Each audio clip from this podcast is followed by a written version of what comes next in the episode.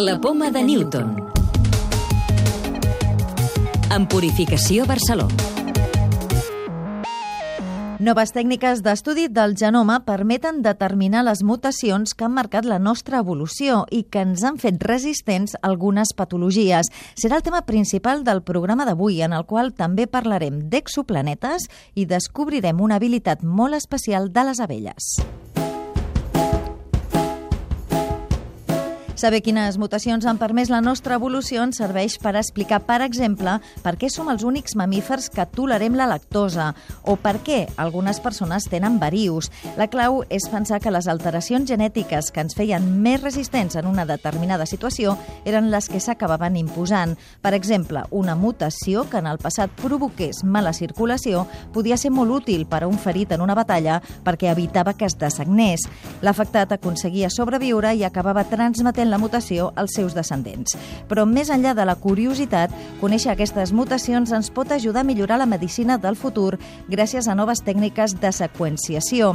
Dels resultats de tot plegat ens en parlen el catedràtic de Biologia Evolutiva Jaume Bertran Petit i l'investigador de l'Institut Pasteur Lluís Quintana Murci. El que veiem és de per què allò ha passat i que aquest per què ve donat sempre per aquest procés d'evolució per selecció natural. I nosaltres ara la força que tenim és que en comptes d'anar al camp i mirar-ho, ara ho podem veure en els genomes i entendre les bases biològiques i genètiques de tot allò. I aquest és el gran canvi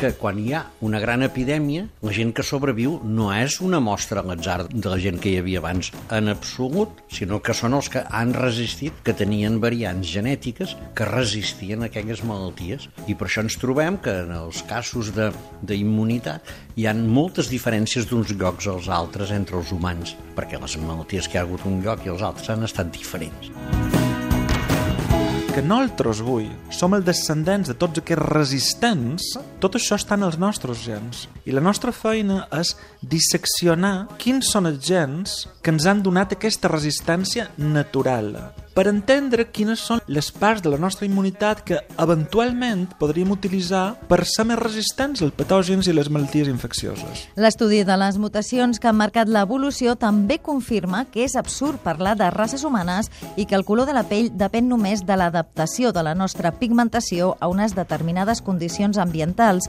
una adaptació que ha quedat recollida en el genoma. També us expliquem que s'ha descobert un planeta a 11 anys llum de la Terra amb possibilitats d'acollir vida. Es diu ROS 128b, té una massa similar a la de la Terra i orbita una estrella nana que no emet flamarades de radiació, la qual cosa facilitaria que tingués una atmosfera estable. Ignasi Ribas, especialista en planetes extrasolars de l'Institut d'Estudis Espacials de Catalunya, valora el descobriment. És important el descobriment, perquè aquesta em sembla que és l'estrella número 12 o 13 en distància al nostre Sol. I en aquestes 12 o 13 estrelles hi ha dues que tenen planetes habitables. Realment és molt comú que n'hi hagi i ens fa pensar que n'hi ha moltíssims més. El 40% dels homes de la península ibèrica tenen un avantpassat comú que va viure fa 4.500 anys. Això és el que conclou un estudi d'investigadors de l'Institut de Biologia Evolutiva, el CSIC i la Universitat del País Basc, publicat per Scientific Reports. La investigació pot ajudar a descriure fenòmens migratoris al llarg de la història, com ara l'expansió medieval des de Castella cap al Regne d'Aragó i cap al Mediterrani, o l'ocupació castellana de Flandes al segle XVI. Revelats per primera vegada els detalls de com es comporten les proteïnes a nivell atòmic. La troballa, que es creia inviable, l'han fet en només un any i amb tècniques computacionals diferents, investigadors de la Universitat Pompeu Fabra i de la Universitat Lliure de Berlín. Fins ara es pensava que aquest procés, realitzat per un superordinador, podria trigar fins a 10.000 anys. La clau de volta. Com decideixen les abelles on construeixen el seu rusc? Lola Ruiz, de l'àrea de recerca i coneixement de l'obra social La Caixa. L'eixam s'allotja en una branca provisional, mentre unes quantes abelles van a buscar el millor lloc per instal·lar-se. Així estalvien energia, perquè es mouen unes poques. A la tornada fan una dansa del ventre a sobre de l'eixam i comuniquen quin és el millor puesto. La forma en què les exploradores seleccionen, deliberen sobre les opcions i aconsegueixen un veredicte rivalitza amb el de les deliberacions d'una comissió decisòria humana.